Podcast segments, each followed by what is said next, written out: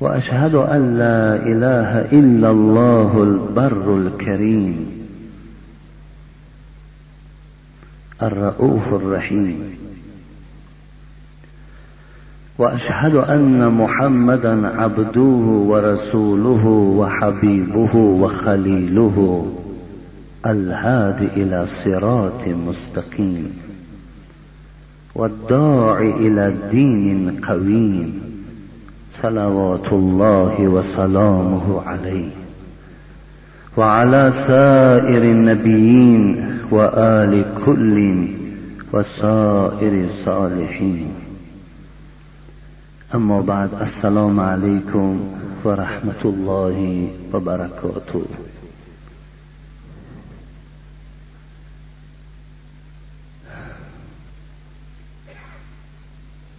از پروردگار مسئلت دارم.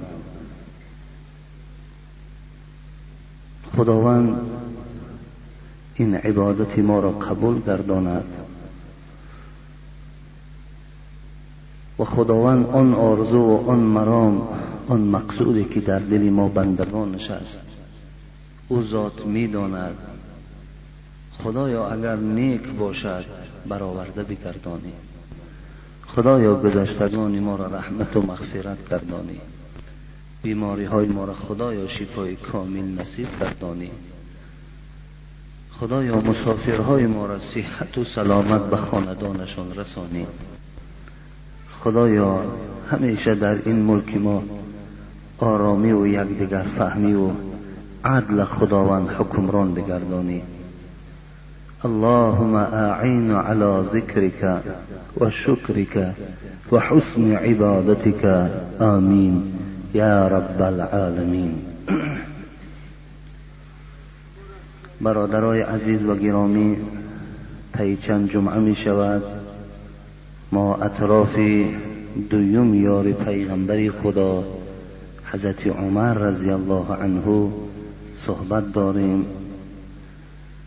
و خدا اگر برای ما مهلت دهد اگر خدای مهربان به ما وقت اگر نصیب گرداند این جمعه هم خدا خواسته باشد. اطراف حیات و فعالیت این مجاهدی راه خدا این شخصی که در زبان تمام مسلمان های ما یک لذت دارد قدر دارد. که این عمر هست. انشاءالله من صحبت می‌کنم. عن ابي سعيد خدري رضي الله عنه قال قال رسول الله صلى الله عليه وسلم بينما انا نائم رايت الناس يعرزون علي. وعليهم قموس منها ما يبلغ السدية ومنها ما دون ذلك. وعرز علي عمر ابن الخطاب وعليه قميص يجره. قالوا فما اولت یا رسول الله؟ قال الدین رواه بخاری. خدا رحمت کند عمر. حبیبی خدا دینداری عمر را بها می‌دهد. صفت عمر را می‌کند. شب خواب بودم پیغمبری خدا می‌گوید. در خوابم خواب پیغمبری خدا حق بودند. در شب خوابم تمام مردم را بر من نمایش دادند و تمام امت نظر می‌کردم. و هر یک امت من کرته داشتند. بعضی از امت من نگاه می‌کنم کرته های ایشان درازیشان تا راست سینه هاشان هست. بعضی از امتم را نگاه می‌کنم درازه کرته هاشان از سینه هم بالاتر است. ناراحت شدم پیغمبری خدا می‌گوید. زیرا حد کرته باید که تا بجولک پا باشد. من این گونه کرته ها را در وجود امتم دیدم خیلی ناراحت شدم. و عرض علی عمر ابن الخطاب. حبیب خدا می‌گوید همون شب خوابم. بناگاه می‌گوید در بین این مردم عمر را دیدم. عمر ابن الخطاب را دیدم. این خواب را در بین پیش عمر و اصحاب حکایه دارد پیغمبری خدا. عمر را می‌بینم و علیه قمیس ویم کرته داشت. یجره لکن با زمین کشیده می‌رفت.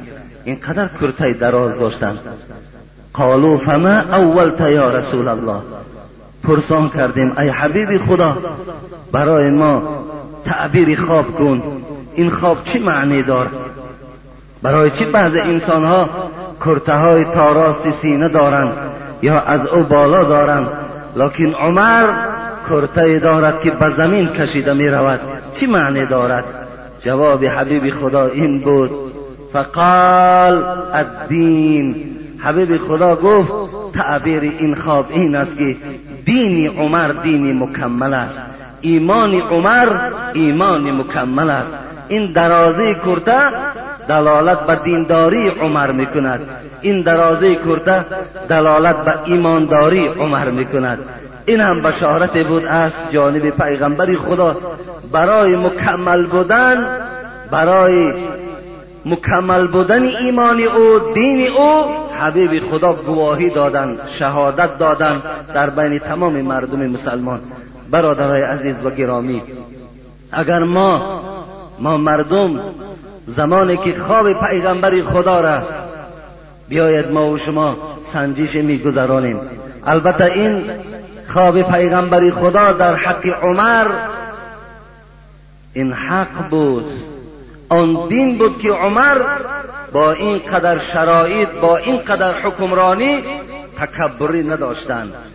ببین این قدر شرفی که عمر داشتند این قدر مالکیت و این قدر حاکمیتی که در زیر تصرف عمر بود لکن عمر آدمی با تواضع بود آدمی خاکسار بود آدمی عادی بودند. آدمی بودند که با این قدر بزرگی از خط کشیده پروردگار و حبیب او بیراه نمی رفتند عمر رضی الله عنه سبب دینداری او بود سبب ایمانداری او بود که می‌گفت خود می‌گفت این از سخنهای گوهربار حضرت عمر است. العبد اذا تواضع لله رفع الله حکمته. این سخن حضرت عمر بود که تمام مردم مسلمان امروز سخنرانی او را گوش می اندازند سخنهای او را یکایک می سنجند که عمر چی می گوید حضرت عمر گفتند هر وقتایی که بنده خدا تواضع می کند وقتی بنده خدا خاکساری از برای خدا می کند الله دانش او را بلند می گرداند الله شرف او را بلند می گرداند وقتی که بنده خدا اگر عادی باشد خاکسار باشد با تواضع باشد. تواضع زیگردن فرازان نکوست گدا گر تواضع کند خوی اوست. حضرت بیدل می‌گوید همین گویم که تواضع خاکساری عادی گشتن عادی بودن خاکسار بودن آدم دولتدار میزیبد. آدم منصبدار میزیبد آدم پولدار و آدم حکومتدار میزیبد اگر آدم عادی به پول کمبغل اگر تواضع کند این همیشه فعل او هست. او همیشه با تواضع است. تواضع و خاکساری فقط خاصه آدمای منصبدار است. آدمای گویم که دولتدار است. آدمایی که نفوذ دارند قدر دارند اینها اگر تواضع کنند اینها را تواضع میزیبد سخنرانی حضرت بود که کسی که اگر تواضع از برای خدا می‌کند خاکساری می‌کند بازمی آنکه همه شرایط او دارا هست از همه شرایط وی تأمین است. خداوند دانش او را می افزاید خداوند باز منزلت او را بالا می بردارد خدا حضرت عمر رحمت کنه برادرای عزیز به خدا قسم من حکایه های ایشان وقتی که در نزد کتابخانه خودم می‌خوانم به خدا قسم گفتی همون صاحب کتاب که تواضعی که حضرت عمر داشت عقل بشریت نمی‌گیرد. عقل ما نمی‌گیرد که این عملهایی که عمر انجام می‌دهد انسان وی انجام داده تواند. بازم آن که وی در خلافت نشسته بود. بازم آن که وی در کرسی شاهی نشسته بود. لکن کارهای را انجام می‌داد که عادی ترین مردم ما وی انجام داده نمی‌تواند آدم پسترین ما این عمل انجام داده نمی‌تواند حضرت آنقدر عادی بودن که چی می‌گفت؟ لولا فلان لهلك العمر. اگر فلانی نمی‌شود عمر حلاک می‌شد. ببین فقط دیگرها را برتری می‌داد. دیگرها را صفت می‌کرد. خودش دایم پس می‌زد. ببین لولا فلان. اگر فلانی نمی‌شد عمر حلاک می‌شد. ببین حتی حضرت آنقدر خوابسار بودن که می‌گفتند کسی که می‌خواهد که از علم قرآن تماس گیرد به اوبیه ابن کعب مراجعت کند. وی قرآن خوب می‌داند. کسی که می‌خواهد حلال از حرام فهمد به معاذ ابن جبل مراجعت کند.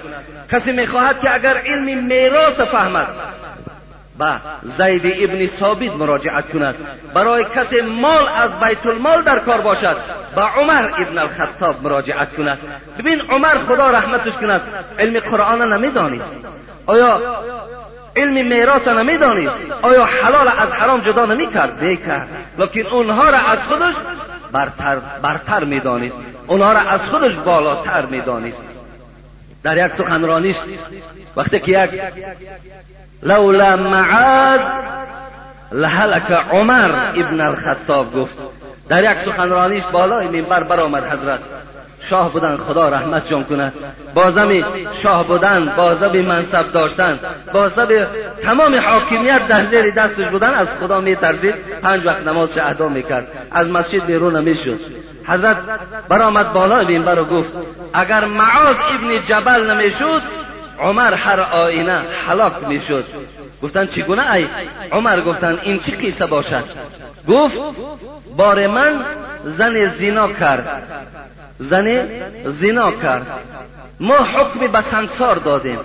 حضرت عمر می‌گوید ببین زن زنا کرد ما حکم به سنگسار سنگساری او را صادر کردیم. حضرت عمر در حکم کردن عدل داشتن عدالت داشتن. چیزی که خداوند در راست زیناکار می‌گفت حکمش می‌کرد. چیزی در راست عرقنوش می‌گفت حکم می‌کرد. چیزی که در راست جنایتی در نزد خدا باشد حتمی حضرت عمر از روی عدل از روی قرآن از روی احادیث های رسول اکرم حکم می‌کردند.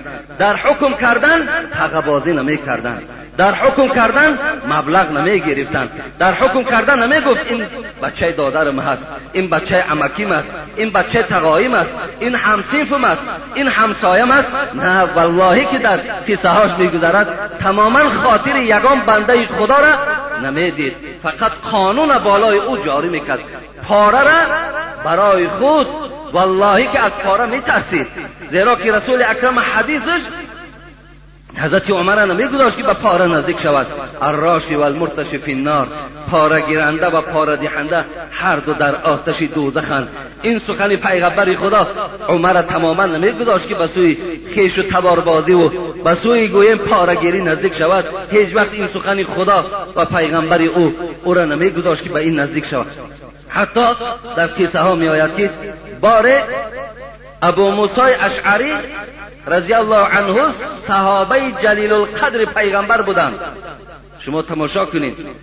وقتی که بار حضرت عمر خانش می آید به خانه خود داخل می شود نگاه می‌کند عاتکه زنش نام, نام زنش عاتکه بودن. عاتکه زنش بالا یک جای نمازی نو نماز می‌خواند. حیرت دمان گفت عاتکه گفت این جای نماز از کجا در خانه ما مهمان شد؟ و در خانه ما این مالی نو است اینا کی آورد؟ آیلش تبسم کنان گفت عمر گفت. این ابو موسی اشعری آورد گفت هدیه برای خانه ما و شما آورد. حضرت عمر جای نماز پیچاندند و در سر زنش زدند گفتند ابو موسی اشعری را حاضر کنید. ابو موسی اشعری آن زمان وزیر دفاع بود. می‌دانیم مینیستر ابران بود. در مصر در بصره بود لشکری کلان داشت وقتی وی گفتن عمر تو را فریاد دارد؟ به خدا قسم کلی جسمش می جنبید می ترسید عمر برای من چیکار داشته باشد؟ گفت وقتی که ابو موسی اشعری را حاضر کردن گفت این چی بود در خانه من آورده؟ گفت هدیه بود جای نماز است. هدیه آوردن بالای او شما خدا را عبادت کنید. گفت به چه خاطر خانه عمر آوردی؟ چرا اینقدر مسلمان فقیر و نادار وجود دارد؟ خانه او نبردی لکن خانه عمر آوردی. به چه خاطر آوردی؟ من هدیه تو را قبول ندارم. و جای نماز می‌گوید در سر ابو موسی اشعری زد. گفت قسم به خدا گفت از همین روز اعتبارا تو در این وظیفت کار را می‌کنی گفت. تو از وظیفت آزاد گفت. برای خانه عمر گفت جای نیافتی. جای نیافتی که هدیه را بیاری. گفت خانه عمر آوردی. ببین آیسته آیسته وای می‌دانست که از هدیه آدم آیسته آیسته وقتی شفته مال می شود وقتی وجودش به مال عاشق می شود بعد وای ملک خراب می کند این این سیر و سودا را حضرت عمر می دانستند به این خاطر در حکمرانی نه هدیه قبول می کردند عدالت داشتند تماما پروای هیچ کس نداشتند والله که قانون خدا را بالای فرزندای خودش جاری کرده بود. بیایید من برای شما برای آنکه شما باوری حاصل کنید که عمر حکمرانیش از روی خط کشیده خدا و پیغمبر بود ابو شحمه فرزندش او عبدالرحمن نام داشت لقب داشت به نام ابو شحمه. این ابو شحمه در مصر زندگی می‌کرد. در مصر حیات به سر می‌برد. وقتی ابو شحمه همراه برادرزاده عمر ببینید برادرزادهش ابن مزعون خدامه ابن مزعون. وقتی که عرق نوشی کردن والی مصر عمرو ابن العاص بود. وقتی آوازه آمد که بچه امیر المؤمنین عمر عرق نوشیده است. والی مصر بود میر شهر بود فریاد زد بچه حضرت عمر گفت این کار با برادرزاد برادرزاده خودت کردی؟ گفت بله کردم.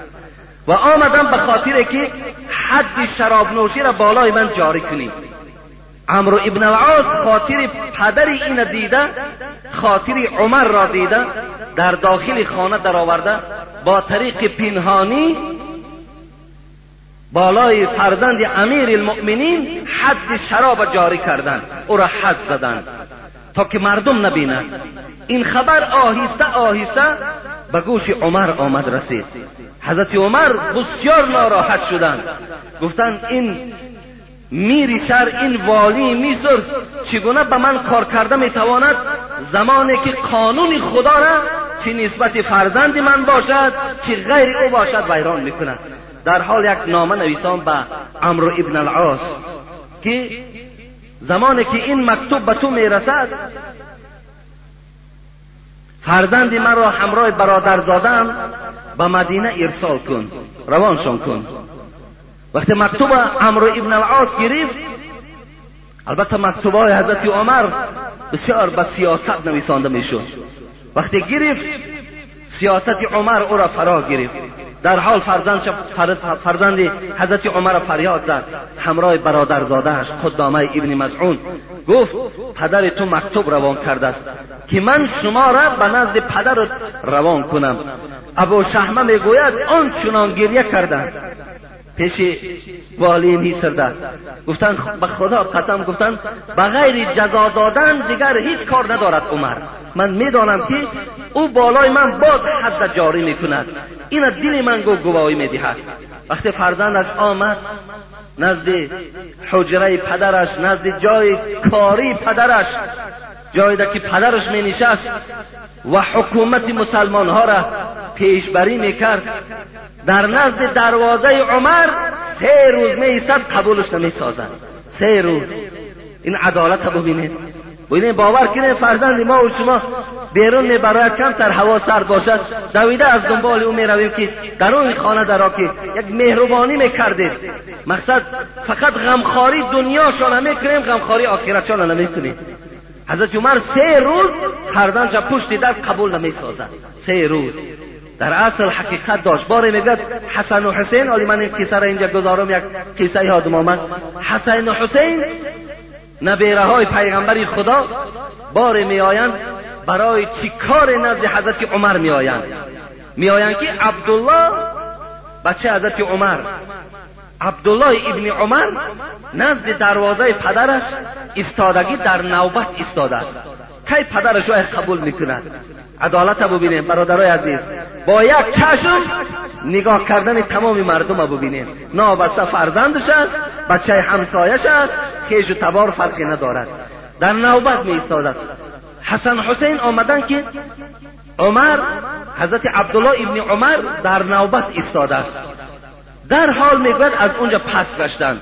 پس گشتن به خانهشان می آمدن حضرت عمر که یک اتاق عادی داشتند می‌گوید از تریزه نگاه کردن که حسن و حسین این نور چشمان پیغمبر خدا به سوی خانه رفته ایستادن. فریاد چون زد نزد من بیایید. گفت کجا می روید گفت آمدیم که اینجا. عمر عبدالله فرزند شما در نوبت است. ما فکر کردیم که شما یگان مشغولیت مهم دارین که بچه شما در نوبت است از این خاطر گفتیم فردا می گفت حسن یا حسین؟ خدا شما را رحمت و مغفرت کند. آیا عبدالله بچه من گفت در قدر و قیمت به شما برابر است؟ آوای در قدر و قیمت به شما برابر نیست گفت؟ برای شما گفت نبیره های پیغمبر نوبت وجود ندارد گفت. شما نبیره های پیغمبر هستین. برای بچه من گفت نوبت لازم است. برای بچه برادرزادم نوبت لازم است. برای خیش و تبار من در نوبت ایستادن ضرور است. لکن برای شما اولاد پیغمبر نوبت ایستادن ضرورت ندارد. شما در درجه و قدر از اولاد اجداد من بالاتر هستید ببین این سخن حضرت عمر نزد حضرت امام حسین و نزد حضرت امام حسن بود. حتی که معاش معین کرد حضرت عمر معاش معین می‌کند. ببین معاش می‌دهد. برای امام حسن هزار دینار. برای امام حسین هزار دینار. برای بچه خودش عبدالله 500 دینار جدا کردند حضرت عبدالله گفتن پدر گفتن من که حق گپ زدن در پیش تو ندارم. لیکن وقتی که من جهاد می‌رفتم در دوره های رسول اکرم آخه حسین و حسین خورد بودند. اینا در یگان جهاد اشتراک نکردند. برای چی اونها را هزار دینار می‌دهی؟ مرا پنصد دینار می‌دهی. گفت بچم خاموش او گفت قسم به خدا تو گفت در این جمله گناهکار شدی. آیا تو گفت مثل امام حسن و امام حسین پدر داری؟ ببین علی را در نظر داشتن علی را از خودش افضل داشتن. گفتن آیا تو مثل امام حسن و امام حسین پدر داری؟ تو میدانی پدری او علی است. میدانی و داماد پیغمبری خدا هست. آیا پدری تو در شرف قدر به علی برابر می شود آیا گفت تو مثل امام حسن و امام حسین مادر داری؟ وای فاطمه هست گفت. وای دختری پیغمبر بود. پیغمبر وای دوست می داشت تو مثل گفت خدیجه کبرا که برای این نبیره های پیغمبر همچون یک مامه می شوند آیا تو مثل وای مامه داری؟ از همه اولاتر و بالاتر. میدانی امام حسن و امام حسین بابا دارن؟ نام او محمد است. صلی الله علیه و سلم. آیا تو گفت به اینا افتخار نمی‌کنی؟ گفت. تو میدانی تو در شأن کی گپ زده ایستاده ای حضرت از فرزندهای خود اولاد پیغمبر خدا را بالا می‌دانستند. از این خاطر بچه ابو شحمه سه روز نزد دروازه پدر در نوبت می وقتی که او را قبول کرد. حضرت عمر تماما تبسم بالای فرزندش نداشت. قهر و غضب او را فرا گرفت. گفت چیکار کردی؟ عرق نوشیدی؟ گفت بله عرق نوشیدم. لکن عمرو ابن العاص بالای ما حد جاری کرد. گفت چگونه حد جاری کرد. برای چی موی سری تو تراشده نشده است؟ برای چی مردم ندید که تو حد شراب می‌زنم بر تو؟ چرا مردم ندید؟ از این خاطر عبدالرحمن ابن عوف می‌گوید من نزد حضرت عمر بودم گفتم عمر خدا تو را مغفرت کند خدا عدالت تو را بالاتر کند. و یک بار حد شراب خورده است یک بار دره را دید است. دویم باره بالای او دره را گفت جاری نکن. گفت اگر این جنایت فرزند خدا من پوشیده نگه دارم این سنت می شود برای تمام رهبریت. به این خاطر من این گفت در بین مردم دره می‌زنم. خود حضرت می‌گوید آسینا را بالا کردند. تمام مردم فریاد زدند همراه برادرزاده خود فرزند خود دره می‌زدن. فرزندش می‌گفت پدر می‌گفت قسم به خدا سلامتیم خوب نیست. برای من مهلت ده تا کمی سلامتیم درست شود. حضرت گفتم برای عرق نوشیدن سلامتی داشتی. برای عرق نوشیدن از خدا نترسیدی؟ اینجا عذر خودت بیان می‌کنی. وقتی دره را میگد بالای فرزندش جاری کردن از درد این دره زدن یک ماه بعد فرزندش از دنیا گذشتن. لیکن قانون خدا را نشکستن قانون اسلام را نشکستن عدالت جاری کردن ببینید این زنم کیسه ما در زن بود. لولا معاذ لهلك العمر ابن الخطاب. اگر معاذ ابن جبل نمی‌شد عمر حلاک می‌شد.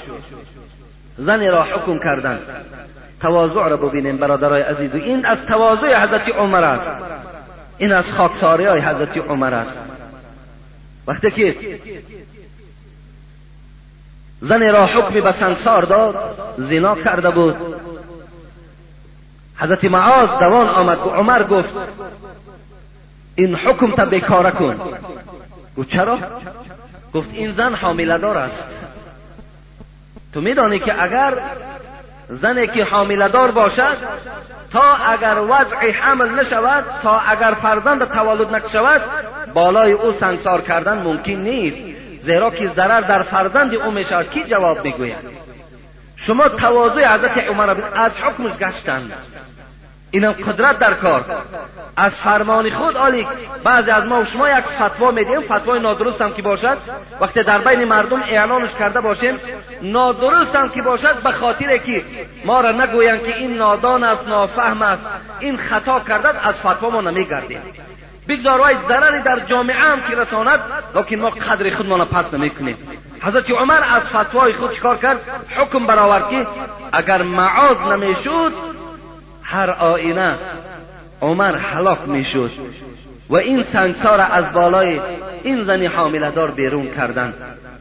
بار دیگر چی گفتن بار دیگر گفتن لولا علی لهلک عمر ابن الخطاب.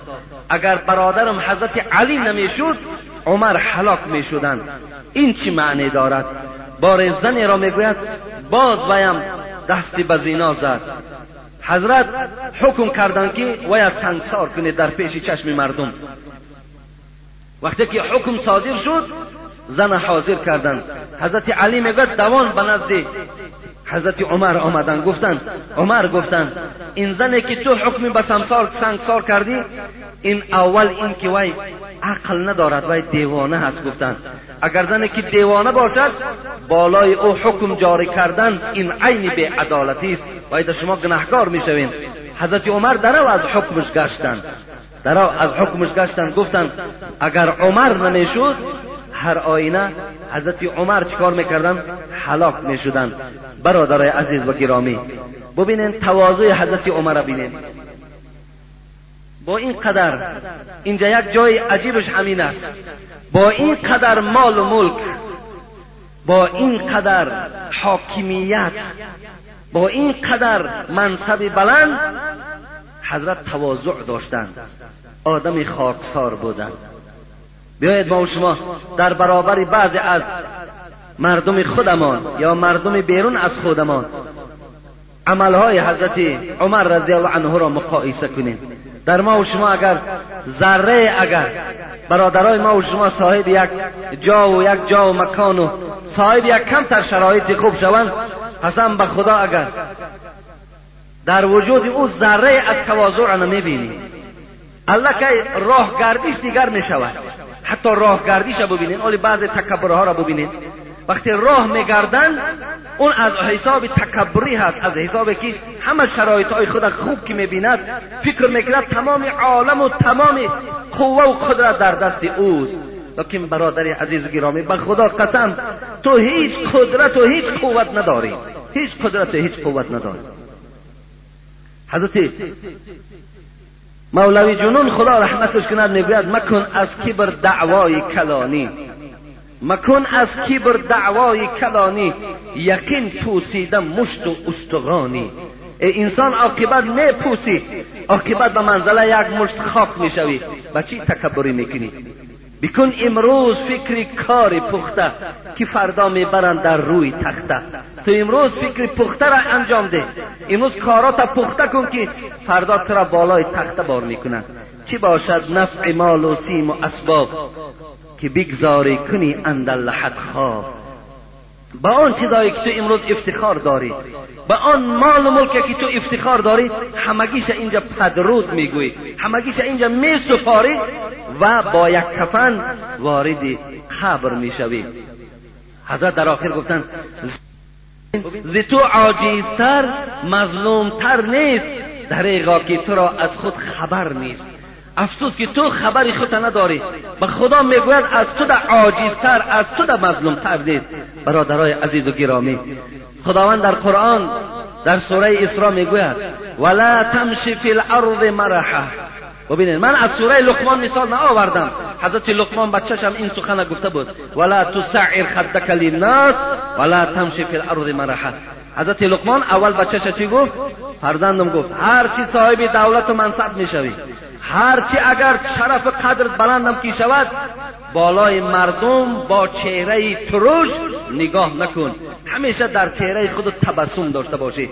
بنده های خدا را خوب قبول کن گفتن. ولا تمشی فی الارض مرحه در بالای زمین خدا خیرامان خیرامان راه نکن.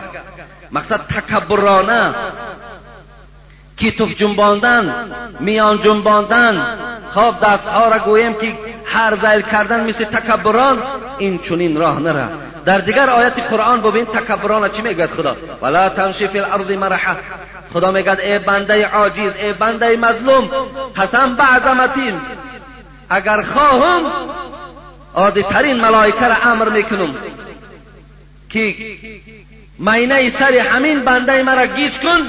یک ساعت پس تو دیوانه قد کوچه می‌شوی. یک ساعت پس تو یک دیوانه در قد کوچه می‌شوی. قسم به خدا قسم به عظمتی پروردگار می‌گوید. تو عز من تشا و تو ذل من تشا من هستم که عزت میتم من هستم که خار می‌کنم. توتی الملک من تشا و تنزع ملک من من تشا. من هستم که به تو مال دادم. من هستم برای تو آن ماشین های ملایم دادم. من برای تو اون خانه های بلند آشیانه را ساختم. من برای تو قدر و قیمت دادم. لیکن من هستم آن خدایی که همیشه زنده این مال و ملک از بالای سری تو کنده می‌گیرم. من هستم آن پروردگار. ببین خداوند خطاب می‌کنه برای بندگانش. من هستم آن خدایی که قسم به بزرگیم امر می‌کنه ملائکه را در خون تو یک عادی ترین میکروب میپرتاید عمر باد سپید خواب می‌کنی در جاگه خواب. من هستم آن پروردگار. تو چی هستی؟ تو عاجزترین بنده من هستی. تو به چی افتخار داری؟ چی داری تو؟ از تو در بزرگها کجا شدن؟ کجا هستند اینقدر پادشاه ها و اینقدر ملکدارا و اینقدر پولدارا امروز در کجا هستند عبرت نمی‌گیری خدا رحمت کند عمر خیام چی می‌گوید؟ مرغ دیدم نشسته در باره توس تماشا کن. مرغ دیدم نشسته در باره توس کنگره توس کنگره های بلند بلنده که در ایران وجود دارد. در پیش نهاده کله کیکاووس. این مرغ در پیشش کله کیکاووس گذاشته بود. کله کیکاووس شما می‌دانید.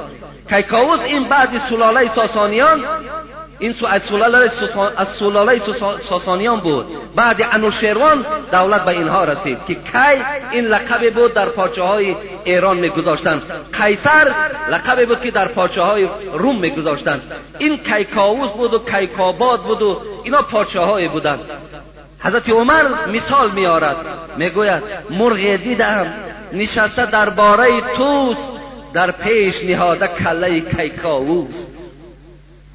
با کله همه گفت که افسوس افسوس کو بانگ جرس ها و چی شد ناله کوس؟ مرغ با این کله چی می‌گفت با این کله شاه کیکاووس چی می‌گفت کجا شد اون بانگ جرس ها؟ کجا شد اون نغمه و نغاماتت کجا شد اون تکبرانه که تو در راه می‌رفتی؟ کجا شد اون نغمه هایی که تو مردم عادی را در قصرت راه نمی‌دادی؟ کجا شد؟ امروز تو خوراک من شدی می‌گوید ببین اینا همش چی هستن؟ اینا همگی اینا برای عبرت هم برادرای عزیز و گرامی.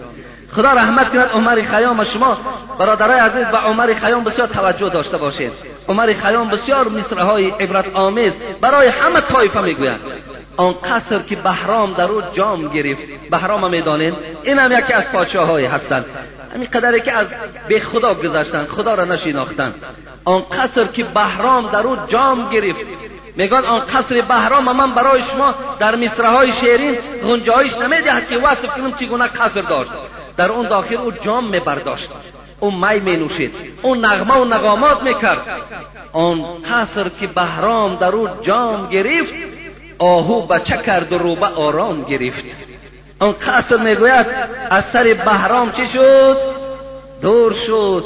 این قصری که بهرام در اونجا افتخار می‌کرد اونجا در نغمه و نغامات می‌کرد عاقبت خانه آهو شد. عاقبت روبه ها در اون داخل رفته چیکار کردن؟ الچه میگذاشتن بچه می‌کردن.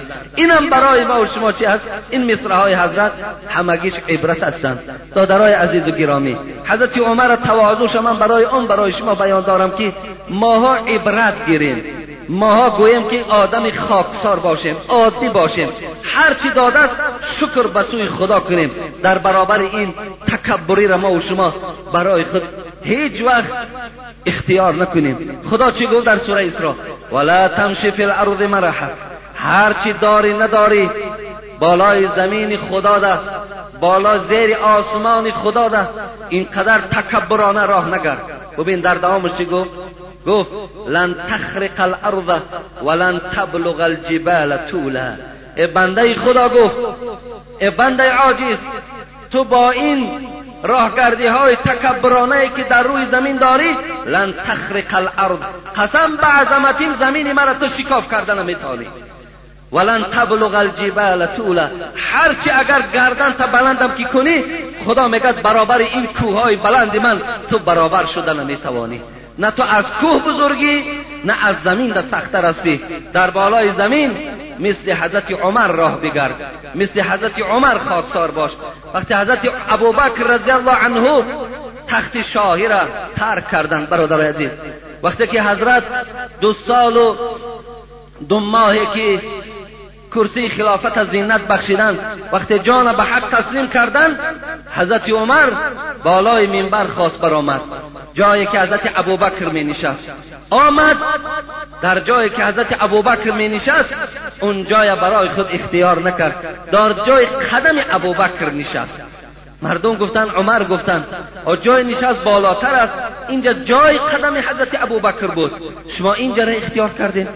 گفت برادرای عزیز گفت اگر گفت شرف و برکات پای حضرت عمر پای حضرت ابوبکر برای عمر رسد همینش برای من کفایت می‌کند. گفت من لایق نیستم که در جای ابوبکر نشستن من برای خود اونجا را اختیار کنم.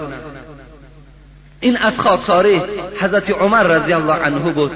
بار شب حضرت عادت داشتن شبها در کوچه ها میگشتند کوچه ها را تا سحر هر یک کوچه را نظر می‌کردند. از هر خانه نظر می‌کردند. کنی در کوچه ها در شهر چی آوازه ها باشد؟ کدام بنده های خدا بیزابیته هستند ناراحت هستند ناچیل هستند نادار هستند؟ از کوچه ها سیر و سیاحت می‌کرد. میگشت نگاه می‌کرد. باری می‌گوید نزد یک خیمه آمدن نزد خیمه آمدن. نگاه کردن یک مرد عرب نزد خیمه نشسته است. خیلی غمگین است. حضرت عمر آمدن در پهلوی این مرد عرب نشستن. در حال احوال پرسی کردن گرفتن. شما بیرون خیمه هستین. وارد خیمه داخل نمی‌شوین. شما کی هستین؟ وقتی در همین حالت پرسان بود می‌گوید که از داخل خیمه می‌گوید نالیش زن آمد. نالیش زن بلند شد. حضرت عمر گفتن ای بنده خدا در داخل آواز زن است. گفت کار تو به اون نباشد. گفت این زن زنی من است. در حالت تولد است. گفت الحال برای من یکی از نعمتهای خدا که فرزند است. به قدرت پروردگار الحال باید تولد می‌کند. حضرت عمر وقتی اینش شنیدن در حال به خانه خود آمدن. اون زمان ام گلسوم در دستشون بود. شما می‌دونین ام گلسوم کیست؟ دختر حضرت علی بودن. دختر حضرت علی در دست حضرت عمر بودن. حضرت عمر با زمیان که خسور پیغمبر خدا بود حفصه دخترشان در دست رسول اکرم بود با این داماد حضرت علی بودند. ام گلسوم در دست حضرت عمر بودند. عجیب بود یک وقتی که خواستگاری رفتن به خانه حضرت علی ام گلسوم خواست که در نکاح خود درآرد. ام گلسوم گفت که من در نکاح عمر نمی درایم گفتن چرا نمی درایی گفت خوراکی که عمر می‌خورد من خورده نمی‌توانم در حالت خلافت حضرت نان می‌خورد که باید روغن نداشته باشد. اگر نانی که روغن می داشت می گفت این دو خوراک می شود من هیچ گاه ندیدم پیغمبری خدا دو خوراک خورده باشند. حالا امروز در مردم ما و شما آنقدر اصراف بسیار شده است که دو خوراک یک طرف سه خوراک و چهار خوراک و پنج خوراک میپذیم اینم از جمله سنت های پیغمبر خدا نیست. حضرت عمر گفتن من می‌دیدم پیغمبر خدا را وقتی دو خوراک در پیش می آوردن یک خوراک می‌خورد خوراک دیگر را به کمبغل ها می‌داد. خودش هیچ وقت تناول نمی‌کرد. حضرت عمر هم نان که روغن می داشت می گفت این از دو خوراک عبارت است هم آرد است هم روغن است. و یا تناول نمی کرد ام گلسون به خاطر که خوراک عمر خوراکی سخت است خوراکی هست که خوردن وی قین است گفت در نکاح او نمی دراید لیکن آیسه آیسه خلاصه گویم در نکاح حضرت عمر در آمدن. آمد دست زن خدا گرفت. ببینید که ها این کار انجام داده می‌توانند در یک قسم شهر آیلش گرفت. وارد خیمه کرد آمد گفت این زن من است. ممکن است که وارد همین خیمه شما شود تا که یک کمک برای آیله تو رساند. گفتن میلش گفتن ما راضی هستیم. وقتی که زن در آمد بعد یک مدت می‌گوید صدای یک صدای کودک صدای تیفل از داخل خیمه بلند شد. ام گلسوم از داخل خیمه صدا داد. یا امیر المؤمنین صدا داد. ای امیر المؤمنین با این رفیق پهلوی خود مجدده که زن او بچه تولد کردند. این مرد وقتی صدای امیر المؤمنین شنید دیگر ناراحت شد. ترس وجودی او را فرا گرفت که این شخص در پهلوی من نشسته امیر المؤمنین عمر هست. تا حال وی نمی‌شناسد حضرت عمر گفتند برادر عزیز گفتند هیچ ترس و وهم شما را گفت فرا نگیرد بلکه من برای شما چنان نصیحت می‌کنم. وقتی سحر روز شد به نزد حجره من بیا. من برای این فرزند تو گهواره پولی کمک پولی جدا می‌کنم و برای خود تو هم یگان مبلغ جدا می‌کنم. این از تواضعهای حضرت عمر است. حضرت عباس می‌گوید خدا رحمت کند. رضی الله عنهما ابن عباس می‌گوید عبدالله. می‌گوید قال رسول الله صلی الله علیه و سلم یقول الله جل و علا. خدا چی گفته بود است خداوند چی می‌گوید؟ الکبریاء ردائه والعظمة إزاره فمن نازعني واحدا منهما القیته فی النار. ببین پروردگار گفته بوده است کیبر کردن ردای من است رویمال من است بزرگی ایزار من است. اگر کدام از بندگان من نابسته های نباشد اگر کیبر را شرف و بزرگی را برای خود اختیار کردند. در بین بندگان خدا خاکسار عادی نشدند. القیته فی النار. خدا گفت در روز قیامت این گونه بنده بنده ای هست که از بلندترین آتش دوزخ او را به قرترین دوزخ میپرتان اگر کدام بنده ای که در دنیا برای خود تکبری میورزد برای خود شرف و بزرگی میورزد و بنده های خدا را حقیر و بنده های خدا را ناچیز میشمارد. اصلت از قطر منی لائق تو نیست منی. حضرت مولوی میگه اصلت از قطر منی لائق تو نیست منی. ببین من منی ها پیشه شیطان بود. هر کی خود را کم زند مرد آن بود. صاحب چهار کتاب می‌گوید حضرت مولوی می‌گوید آخر اصل تو منی بود. از این خاطر تو را منمنی نمیزیبد. اصلت از قطر منی لایق تو نیست منی. از راه باول شدی کبر منی ها چی کنی؟ ببین از راه باول شدی کبر منی ها چی کنی؟ و این بود از تواضع های حضرت عمر رضی الله تعالی عنه که بار حضرت از خانه بیرون شدن بناگاه می‌گوید در خانه صدای گریه بود. صدای گریه بود. واردی خانه شدند نگاه کردن یک مادر همراه فرزندان خود. و این فرزندها در پیش مادر گریه دارند. و نزد فرزندها یک دگ گذاشته شده است که دگ می جوشید حضرت عمر گفتند این کودک ها چی می گریند گفت اینها گرسنه ماندند اینا چیزی نیست که برای اینها ما از غذا تأمین کنیم. گفت در دگ چی داری؟ گفت در دل یک مقدار آب هست می جوشد برای فرزندها یک تسلی دل گفته ایستادم که الحال خوراک میپزد الحال خوراک میپزد. شاید که مانده شوند خوابشان برد حضرت عمر می‌گوید خیلی ناراحت شدن همراه غلام خود اسلم بودند. آمدن می‌گوید با بیت المال یک مقدار آردو یک مقدار روغن و یک مقدار خرما و یک مقدار مبلغ و یک مقدار لباس گرفتن و در یک قابچه گویم انداختن و برای غلام خود اسلم گفت اینا بردار در پشت من گذار گفت.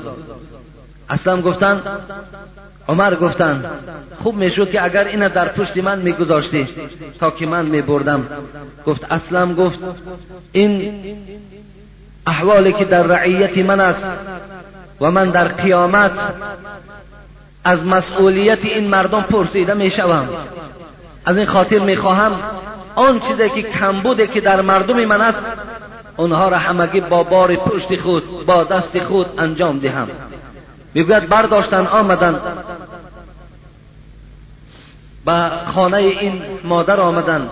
حضرت عمر می‌گوید خود می‌گوید در این دیگ می‌گوید خوراک میپخت. از بس که ریشی خیلی کلان داشتن زیر این دیگ می‌گوید آتش می افروختن پوف می زدن اصلا غلامش حکایه می‌کند که من می‌دیدم که از زیر هر یک کار ریش حضرت عمر دود می برآمد لکن حضرت همونجا نشسته و این خوراک پخته کردن.